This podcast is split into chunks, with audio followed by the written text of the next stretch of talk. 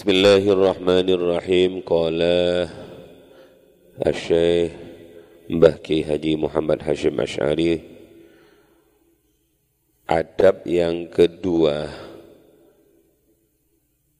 terusannya kemarin summa yahfadhu min kulli fannin mukhtasaran yajma'u fihi baina tarafaihi min al hadis wa ulumihi wal usulaini wan nahwi was sarfi summa yahfadhu nule ngapalake sapa muta'allim min kulli fannin saking saben-saben fan saben-saben mata pelajaran mukhtasaron ing kitab ringkasan. Kitab ringkasan itu kitab yang iya yang mukhtasar kecil. Itu seharusnya kitab-kitab mukhtasar itu diperuntukkan untuk mahfudot hafalan. Ya jema'u ngumpulake. Ya jema'u ngumpulake sopo muta'allim fihi ing dalam mukhtasar. Baina tarafaihi ing dalam pucuk loro nifan. Minal hadisi wa ulumihi minal hadisi saking hadis wa ulumihi lan ilmu-ilmu hadis. Sekarang sudah menjadi jurusan sendiri dalam dunia perkuliahan. Kalau dulu ada usuluddin uh, tafsir hadis sekarang ndak. Tafsir dan ilmu tafsir, hadis dan ilmu hadis. Wal usulaini diharokati laini wal usulaini lan usul luru. Usul luru maksudnya usul luru itulah usuluddin dan usul fikih. Wal usulaini lan usul luru ai usuluddin wa usul fikih. Wan nahwi lan nahwu wasarfi lan sorof. Ini pokok-pokok yang harusnya hafal wala yashghalu lan orang ngrepotake sapa muta'allim. Wala yashghalu lan orang ngrepotake hu ing muta'allim. Apa dalika mengkunu mengkunu apa dalika mengkunu mengkunu kabeh? Mulai dari minal hadis itu. Uh, kul kulluhu ya sekabihani dalik andirasatil Quran saking saking deres Al-Quran. Wa ta'ahudihi lan Al-Quran. Wa mulazamatihi lan netepi Al-Quran. Wirdan wirdan kelawan dadi wiritan. Wiritan itu sesuatu yang biasa dilakukan secara acek, jumlahnya juga acek, bahkan waktunya juga acek. Contoh, Ba'da sholat maghrib kita wiritan ini jumlahnya sekian. Ba'da sholat subuh kita wiritan syadiliyah Ba'da sholat kita baca tasbih tiga-tiga. Kalau dilakukan secara istiqomah dalam jumlah yang sama, itu dinamakan wirid. Nah, kalau wirid-wirid itu dilakukan dengan istiqomah, nanti akan muncul akibat yang disebut dengan warid. Faqad warada wirdan minhu saking Al-Quran, minhu saking murid, kulla yaumin ing dalam saben-saben dino wal yahdar lan wedi sapa murid wal yahdar becik wedi sapa murid min nisyanihi saking ngelalekake Al-Qur'an ba'da hifdihi ini menghafal Al-Qur'an menghafal Al-Qur'an itu berat menjaga juga berat tapi jangan dianggap berat anggap saja itu adalah ibadah. Jangan merasa berat dengan Al-Quran, tapi anggaplah itu sebagai ibadah yang menyenangkan. Karena Al-Quran adalah media berkomunikasi langsung kita dengan Allah. Faqad warada mungko teman-teman wistu tumaka fihi ing dalam nisyanihi ba'da hifdhihi. Opo ahadisu piro-piro hadis? Tasjuru kang nyegah opo ahadis? Anhu saking nisyanihi ila akhirih kemudian wayashtaghilu lan sibuk sapa murid bisyarhi tilkal mahfuzati kelawan nyarah nyarah syarah mengkunu mengkunu apalan alal masyayikhi ing ngatasi piro-piro guru. Apalan-apalan itu kemudian ngaji seperti apa keterangannya? Wal yahdar lan becek weti sapa murid minal i'timadi saking gondelan gondelan. Fi dzalika ing dalam mengkunu mengkunu tilkal mahfuzat alal kutubi ing atase pira-pira kitab. Ibtidaan ing dalem kawitan. Bal balik ya'tamidu ya'tamidu gak usah banyak kitab yang kamu apalkan. Nahu gak usah semuanya kamu apalkan. Ambil saja misalnya kamu mau menghafalkan nahu jurmiyah, kamu mau menghafalkan nahu mutammima, itu aja dulu. Gak usah semuanya dihafalkan, karena satu saja kamu apal, kamu paham yang lain kebuka. Kalau semuanya kamu apalkan, seluruh kitab nahu mulai dari yang paling bawah sampai yang paling atas, kapasitas kamu nanti yang gak mampu, malah gak kena semua. Ibtidaan itu enggak usah awal-awal itu enggak usah banyak kitab. Bal balik ya'tamidu ya'tamidu kondelan sapa murid fi kulli fannin ing dalam saben-saben fan man ing guru huwa kang utawi man iku ahsanu. Luwe bagus apane ta'liman mulangi lahu kedue man. Juga minta dibimbing jangan hanya bergantung kepada kitab tapi kita harus setiap fan itu berguru kepada guru. Yang ahsanu ta'liman lahu. Wa aktsaru tahqiqan guru sifatnya guru ahsanu ta'liman yang pertama. Yang kedua wa aktsaru tahqiqan lan luwih akeh-akeh nyata-akeh fihi ing dalam fan fihi ing dalam fan. Wa yura'i lan ngreksa sapa murid fil masyayihi ing dalam piro-piro masyayih ad-dina ing agomu wal ilma lan ilmu wasyafaqati lan walas wa ghairaha lan liyani syafaqah. Wal ya'khud lan becek ngalap sapa murid minal hifdi saking apalan wasyarhi lan penjelasan ma yumkinu selagi kongang ma ing perkara yumkinu kang kongang apa ma? Yumkinu kang kongang sapa murid hu ing ma? Wa yutiku lan kuat sapa murid hu ing ma halahu ing dalam tingkai murid. Min ghairi iktharin kelawan tampo ngakeh-ngakehake mumillin membosankan. Wala taksirin lan ora sembrono mukhillin kang nyacatake. Mukhillin kang nyacatake bijudati tahsili kelawan bagus sing ngasilake ini pedoman dari Mbah Hashim dan sekarang itu rata-rata madrasah-madrasah itu sudah punya tim kurikulum yang menyusun mana kitab yang harus dihafal, mana kitab yang harus disyarahi dan lain sebagainya.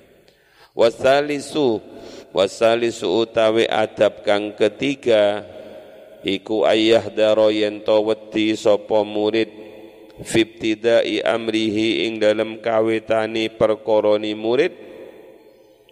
Minal istighali saking sibuk fil ikhtilafi ing dalam perselisihan bainal ulama ing dalam antarani piro-piro wong alim wa bainan nasi lan antarani menungso mutlakon hale mutlak. Fil aqliyati ing dalam ilmu kang bongso akal wasam'iyati lan ilmu kang bongso pireng atau saking syarak. Pireng saking syarak. Fa innahu mungko sak temeni istighal fil ikhtilaf iku yuhayyiru bingungake opo istighal ad-dihna ing ati wa yudhishu wa yudhishu lan membingungkan opo istighal fil ikhtilaf al akla ing akal. Kalau kamu masih awal belajar fikih belajarlah fikih-fikih matan tidak perlu belajar perbedaan-perbedaan pendapat bagaimana hukumnya menyentuh perempuan contohnya ya sudah ambil yang batal saja. Gak perlu kamu bilang batal menurut imam ini, sedangkan menurut ini tidak batal karena yang dimaksud menyentuh itu adalah berhubungan badan. Yang menurut imam ini tidak batal apabila tidak syahwat. Bingung nanti kamu, belum waktunya. Jadi kayak makan itu loh nak, makan itu sesuai umur. Kalau masih kecil ya bubur, nanti yo ya pisang. Kalau sudah tua seperti kamu ini apa saja masuk pindang, masuk semua masuk karena sudah bisa bisa memilih. Sudah bal balik yutkinu ngokohake sopo murid awalan ing dalam kawitani kitaban wahidan fi fannin wahidin. Yang paling penting itu kitaban ing kitab wahidan kang siji. Fi fannin ing dalam fan wahidin kang satu. Wa kutuban lan piro-piro kitab fi fununin ing dalam piro-piro fan ing kana lamun onu sapa murid iku yahtamilu kuat nanggung sapa murid dalika ing mengkunu-mengkunu kutub. Ala tariqatin ing ngatasi dalan wahidatin kang satu. Ya rutadi ngeridoni ha ing tariqah wahidah lahu kedua murid sopo syaikhuhu guruni murid yang lebih mudah lagi kalau mau nambah kitab itu konsultasi kepada guru kepada guru. Contoh sederhana, dulu saya di Madura itu ngapalkan nahu, ngapalkan akidatul awam. Setelah selesai oleh guru, disuruh ngapalakan kitab Arba'in Nawawi. Uh, kemudian ditambahi, ditambahi. Kalau dibimbing oleh guru begitu itu enak.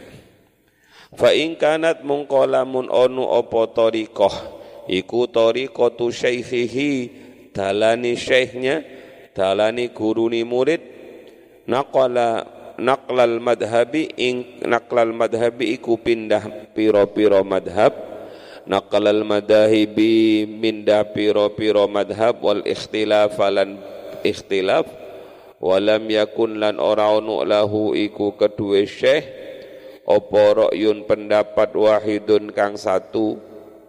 Qala dawu sapa Al-Ghazali Imam Al-Ghazali falyahdhar mongko becik wetiya sapa murid.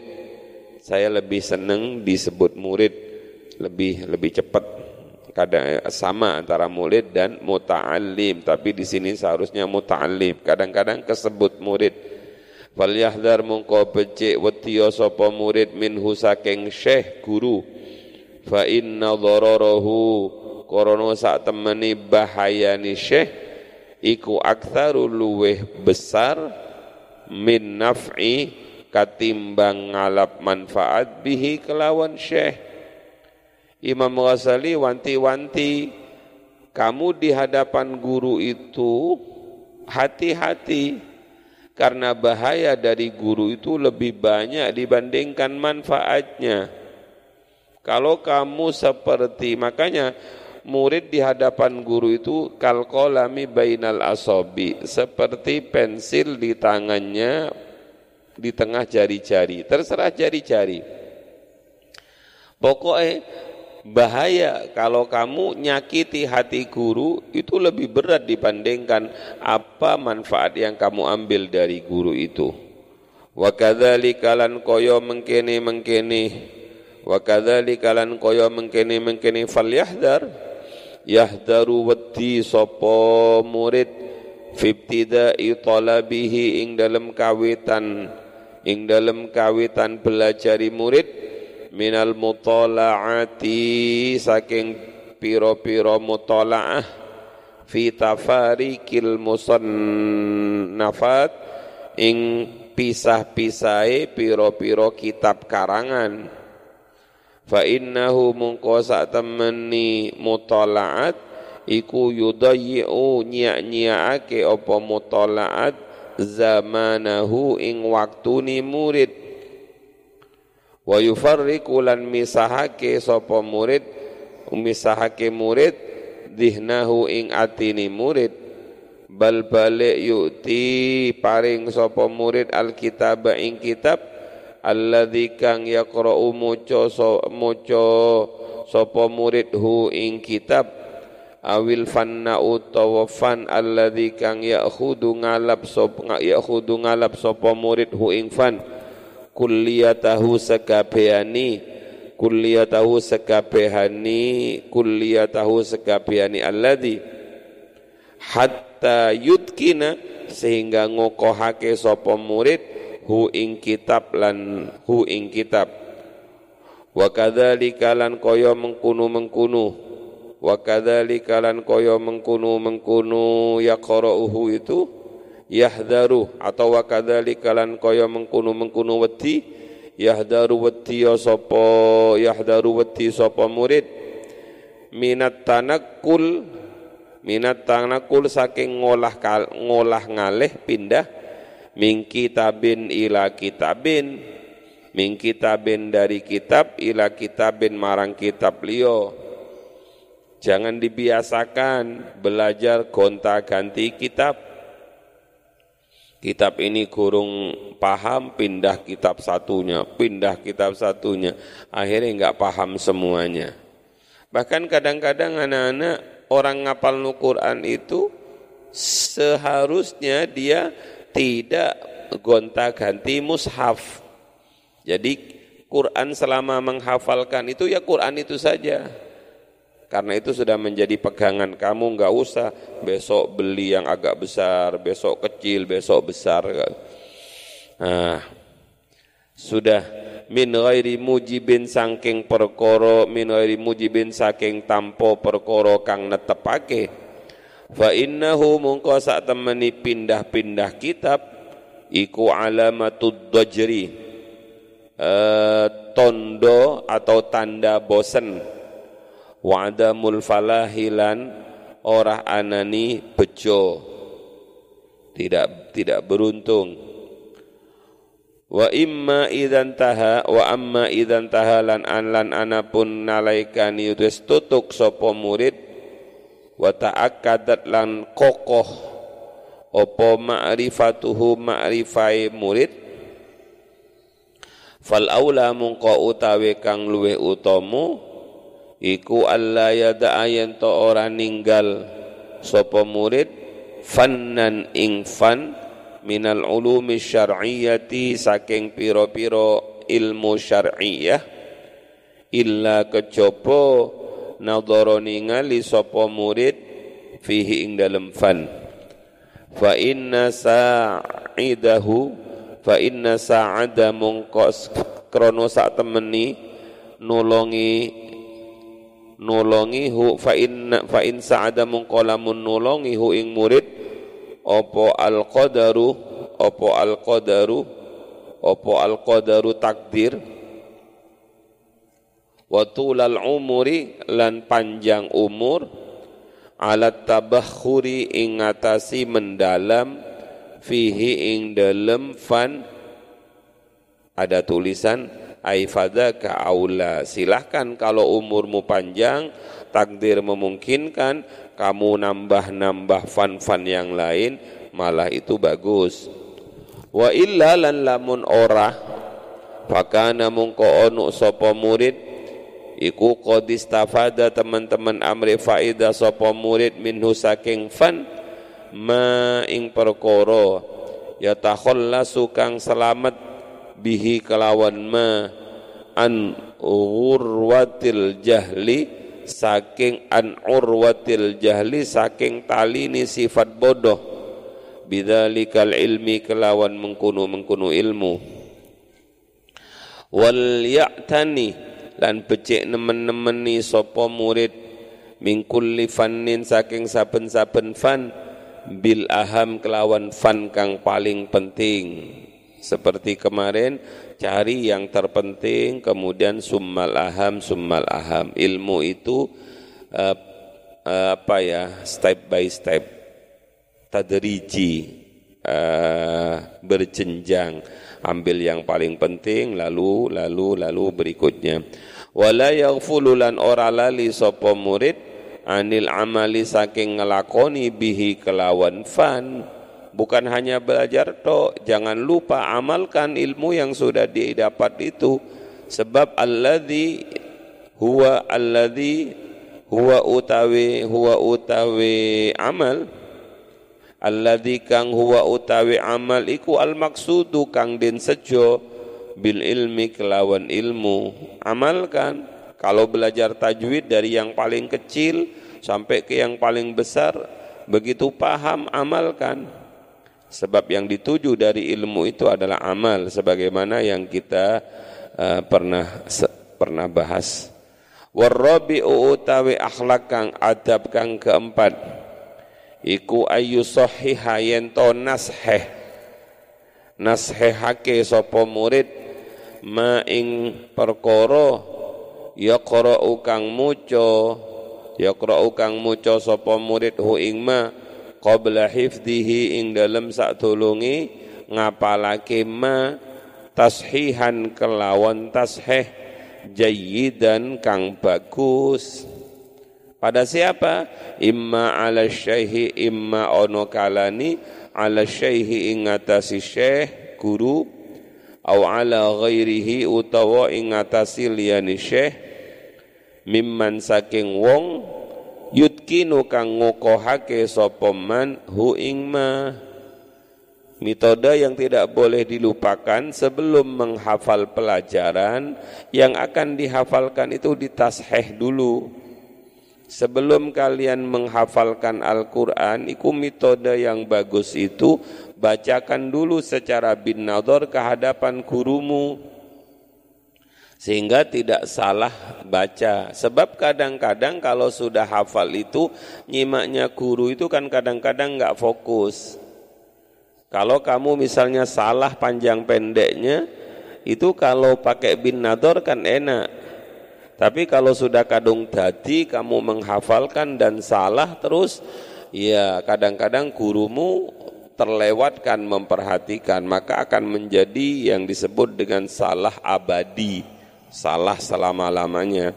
Kalau salah abadi ini nanti muridmu juga salah. Maka qabla hifdihi tashihan jayyidan sebelum dihafal baca dulu di depan gurumu atau kalau gurumu tidak ada waktu au ala ghairihi utawa atau terhadap orang lain di mana orang lain itu apalannya bagus. Setelah itu baru wa yahfadulan menghafal sapa murid hu ing ma ba'da dzalika ing dalem sakwisene mengkono-mengkono tasheh hifdzan kelawan apal muhkaman kang kokoh. Setelah hafal summa yukarriru nule bolan baleni summa yukarriru nule bolan balani sapa mahu uh, sapa murid hu ing ma ba'da hifdihi ing dalam sakwisene ngapal. Ba'da hifdihi ing dalam sakwisene ngapalaken ma tikrara muwadibin. Oleh bolan balani wong kang ngajeke. Setelah hafal diulang-ulang. Makanya Abah Jamal itu pernah dawuh pada salah seorang putranya kamu dulu kan apal alpia ya Pernah dideres ndak alfianya? Hmm, pernah di Polan Bali ini enggak? Nah, kadang-kadang inilah kadang-kadang kalau ilmu itu kalau sudah pernah kita hafal eh, jarang kita terus. Beda dengan Al-Qur'an, beda dengan hadis. Kalau ngapalkan Al-Qur'an itu pasti kalian akan deres karena butuh. Nah, maka kadang-kadang ada guru yang bilang begini, guru bukan saya. Ah, pelajaran ini apal, surat wal fajri enggak apal. Itu namanya guyonan-guyonan. Pelajaran ini apal mulai dari atas sampai bawah, yasin ora apal. Ah, makanya Mbah Hashim ngajari Quran dulu dihafal, yang penting-penting. Hmm. Kalau sudah dihafal, ditikror, ditakror di Polan Baleni. Teruskan waqad taqaddama wala yahfadulan. Orang apalake sapa murid syai'an ing sewiji-wiji qabla tashihihi ing dalam sak turungi nasheh syai' li'annahu karena sak temani al-hifdu qabla tashih wala yahfaduhu syai'an qabla tashihi itu li'annahu karena sak temani al-hifdu qabla tashih iku yuqi'u nibaake apa? Al hifdzu qabla tashih fit tahrif ing dalam lafat seperti yang saya bilang tadi kalau enggak ditashihkan nanti bisa-bisa salah. Wa qad taqaddama lan teman-teman wis dhisik apa annal ilma sak temeni ilmu iku la yu'khadu ora den alap apa ilmu minal kutubi saking kitab fa innahu mungko krana sak temeni akhdul ilmi minal kutub iku min audharril mafasidi saking luweh bahaya-bahayani karusaan apa maksudnya? Tanpa guru. Jadi kalau ilmu itu hanya diambil dari kitab tanpa guru dawe Mbah Hasim min audharril mafasid. Wa yambaghi lan sayukjo apa ayyuhdhira yen to nekaake sapa murid? Indahu ing dalem sandingi murid. Ad-dawata ing wadah mangsi wal qalama lan pen. Wasiki nalan pisau murid itu ke mana-mana jangan lupa pensil dan notes buku kecil. Ke mana-mana kamu bawa itu. Apalagi mau belajar. Kamu ke mana misalnya bawa pen. Bawa pen untuk apa? Suatu saat kamu nemu ilmu baru langsung nyatet kamu dengarkan guru, dengarkan orang yang ceramah, dengarkan kiai dawu, enak kalau bawa pen, langsung dicatat. Kalau enggak bawa pen, wah hilang nanti karena ingatan kita itu enggak kuat. Saya pernah suatu saat ketika saya biasa saya setiap hari Jumat itu sowan ke kiai-kiai. Pas sowan kepada Mbah Yai Sansuri Badawi waktu itu saya lupa nggak bawa pen, saya lupa nggak bawa agenda. Lah waktu itu saya sedang diutus beliau mijeti kakinya. Saya mijeti kakinya. Tahu-tahu beliau dapat tamu, saya disuruh duduk sampingnya di bawah, beliau duduk di atas kursi, suruh nunggu dulu nanti neruskan mijetnya. Lah tamunya itu sedang sedang meminta amalan-amalan kepada Mbah Yai Sansuri. Amalannya wapi-wapi. Salah satunya onuk mahabbah. Hmm, senengani santri kan mahabbah. Wes, onuk caranya cepat menghafal. Kiai dari Sidoarjo sowan kepada beliau. Didikte pelan-pelan oleh Mbah Yai Sansuri. Saya waktu itu lupa ndak bawa pen. Emannya eman. Akhirnya terlewatkan begitu saja. Lah Jumat berikutnya saya ke sana lagi. Dapat tamu lagi Mbah Yai. Minta minta ijazah ijazah akhirnya diijazai. Ah, waktu itu saya bawa pen. Bawa pen dan bawa agenda. Hmm, alhamdulillah iso nyatet Wes ketika diomong ketika beliau dawu pelan-pelan didekte saya nulis apa yang terjadi pen saya nggak keluar Gak ada tulisannya itu, kok gak keluar-keluar, oh, tak coret-coret begitu kok gak keluar-keluar. Ya kemarin gak bawa pen, gak bawa kertas, sekarang bawa pennya gak nyala sisan. Selesai tamunya pulang katanya Mbah Yai, gak oleh le, kalau gak saya izini nyatet, kalau gak disuruh nyatet, enggak Mbah Yai. Kamu pingin wiritan tah? Diam saja saya. Akhirnya digolek nu buku kitab. Hmm, iki gowon akhirnya enggak dikasih satu dikasih wakeh ya oleh mijet nah, oleh mijet oleh mijet padahal pijetannya enggak enak gitu tapi ini nyedek nang kiai itu oleh akeh nah, pelajaran yang terbaik nih gak disuruh nyatet ojo nyatet itu namanya nyolong il ilmu Bismillahirrahmanirrahim saking semangatnya makanya Abah Jamal itu berpesan kepada murid, murid itu ojo lupa bawa pensil, bawa buku. Karena apa? Sewaktu-waktu dia butuh. Hebatnya murid-murid santri-santri Bahrul Ulum itu biasanya kalau kiainya ceramah itu biasanya dicah, dicatat. Itu kelebihan. Sehingga nanti kalau kamu pulang enak tinggal buka buku itu. Wal khamisu uh, wasikin lan bawa pisau lapo bawa pisau murid itu harus bawa wadah mangsi dan wadah dan kolam terus bawa pisau. Untuk apa bawa pisau? Eh kolam itu pen itu dulu harus dikeruti. Kalau sudah putul harus dikeruti. Paham enggak kamu? Enggak paham kamu. Ah, pen sekarang saja lah pen pon potlot itu loh, potlot ujian itu loh, yang komputer itu. Kan harus bawa ongotan. Nah, maksudnya pisau itu adalah ongotan. Lius liha supaya bagusi sopo murid, wayab toba, wayab batolan melanggari sopo murid, maing perkoro yusahi yusahihu bagusi sopo murid hu ingma lugatan saking arah bahasa wa i'raban lan saking arah i'rab. Sedikit lagi wal khamisu utawi kang kelima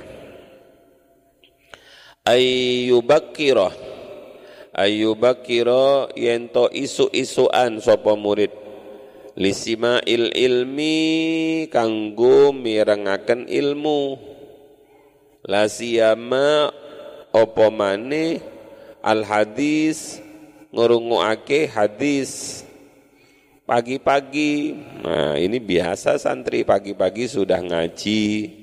Kalau di rumah kira-kira pagi-pagi ngapain? Sare. Hmm.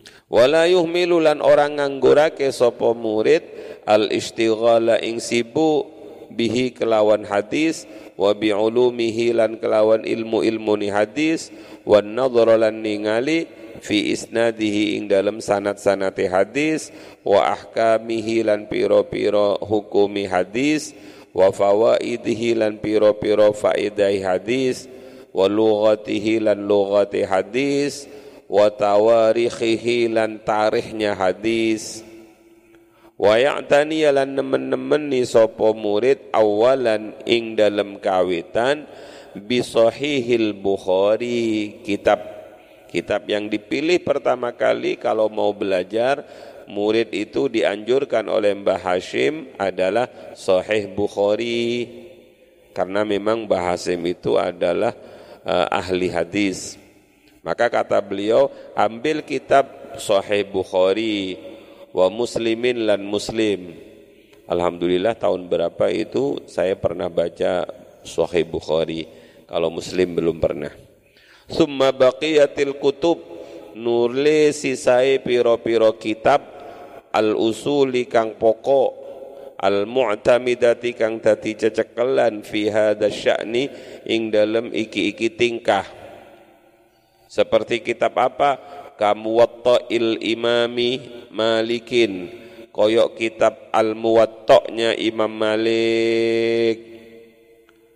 Wasunan Abi Daud kadang-kadang sampulnya saja kita nggak paham gitu ya. Ya harus paham wong sampulnya saja masa nggak paham uh, sekarang itu sudah langka ngaji kitab-kitab besar. Uh, langka kalau dulu masih banyak orang-orang yang open ngaji kitab-kitab gede gimana nggak langka sekarang? Ngaji kitab misalnya ngaji kitab Sahih Bukhari. Begitu ngaji, bingung, bingungnya gimana? E, ngawali muridnya ABCD. Tengah-tengah boyong sudah ABCD ini ganti murid baru. Langsung murid barunya ikut pertengahan kitab. Belum mari wis boyong. Karena sekarang mundoknya rata-rata enggak lama-lama. Kecuali kiai-kiai yang luar biasa hebatnya. Saya masih ingat ada salah seorang guru kami namanya Mbah Yai Abdullah Tayyib Papar. Itu kalau ngaji kuat sekali. Uh, tafsir Jalalain itu hanya 10 hari. Ihya itu hanya beberapa bulan. So, kalau tapi kalau ngaji kuat, gak goyang-goyang dari tempat duduk beliau. Paling berhenti sebentar waktu duha itu untuk dahar. Setelah dahar, sholat duha, sholat duha duduk lagi. Masya Allah, cek kuate ngajinya. Ya, kamu ta'il Imam Malik. Wa sunan Abi Daud lan sunan Abi Daud wan Nasai lan sunan Imam Nasai wa Bani Majah lan kitab sunan Ibnu Majah wa Jami' Tirmidzi lan kitab Jami' Tirmidzi sekarang itu model katanya kawan-kawan kawan-kawan kita. Kalau dulu mbah kita itu ngaji kitab itu sendirian. Sahih Bukhari ngaji sendiri. Sekarang ndak ngaji keroyokan. Jadi duriahnya itu keroyokan. Kalau punya anak lima eh, nanti dibatasi jam sekian sampai jam sekian gus ini halamannya sampai halaman sekian jadi enteng jadi kitab Sahih Bukhari dibagi tiga orang. Ya halaman sekian sampai sekian. Kayak kayak kita baca manakib itu loh. Halaman sekian sampai sekian dibaca kamu. Enggak apa-apa, wong namanya masih proses. Bismillahirrahmanirrahim wala yambaghi lan ora sayukjo ai opo ayak tasiro yen to ngeringkes sapa muta'allim alama ing atasi perkara huwa kang utawi ma iku aqallu sedikit min dzalika saking mengkunu-mengkunu sahih Bukhari ya Allah zaman dahulu itu jangan jangan dikurangi. Harus belajar Bukhari Muslim itu. Wa ni'ma wa ni'mal mu'inu. Lan iku sak bagus-bagus se opo al opo al mu'inu kitab kang nolong lil fakihi marang ahli fikih. Apa kitab yang bisa menolong agar kita bisa menjadi ahlu fikih? Kitab Sunan Al-Kubro utawi kitab Sunan Al-Kubro. Kitab Sunan Al-Kubro utawi kitab As-Sunanul Kubro. Li Abi Bakar Al-Baihaqi kedua pengarang Abi Bakar Al-Baihaqi. Ya Allah. Fa innal hadisa saat temani hadis iku ahadu janahil ilmi salah suwijini suwiwi loroni ilmu bisyariati kelawan syariat. Bisyariati kelawan syariat. Wal mubayyinu lan kang nerangake likathirin marang perkara akeh. Minal janah al akhir minal janah saking suwiwi al akhir kang atau sisi yang lain. Wa huwa utawi al janahul akhir iku al qur'anu al qur'an qala dawuh sapa imamuna imam kita asy-syafi'i imam syafi'i radhiyallahu anhu. Man nadhara fil hadis qawiyat hujjatuhu. Man utawi sapani wong iku nadhara ningali sapa man fil hadis ing dalam hadis qawiyat mongko kuat opo hujjatuhu hujjaiman secara sadar dan harus kita akui bahwa ilmu itu memang sudah diangkat ketika Mbah Hashim wafat sudah tidak ada yang bisa menempati makomnya Mbah Hashim ketika Mbah Yai Sahal wafat siapa yang sekali berbah Yai Sahal koleksi kitab-kitab besar yang ada di dalam diri beliau juga diangkat. Sekarang kitabnya kitab kecil-kecil.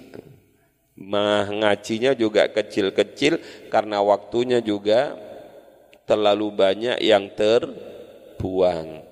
Paling tidak kalau kita bisa membaca apa yang disampaikan oleh Mbah Hashim itu muncul semangat. Kalau dulu zamannya Mbah Hashim diwajibkan santri-santri itu ojo sampai kurang dari Bukhari Muslim. Ojo sampai tidak belajar muwatto, ojo sampai tidak belajar sunan Abi Daud, ojo sampai tidak belajar sunan Nasai, ojo sampai tidak belajar ilmu-ilmu ini. Ya, semangatnya harus kita tiru. Semangatnya harus kita tiru, adapun kitabnya kita manut kepada yang disajikan oleh guru-guru kita. Tapi kesempatan untuk belajar itu harus terus kita cari. Karena kesempatan belajar itu tidak datang tapi harus diciptakan. Semoga bermanfaat.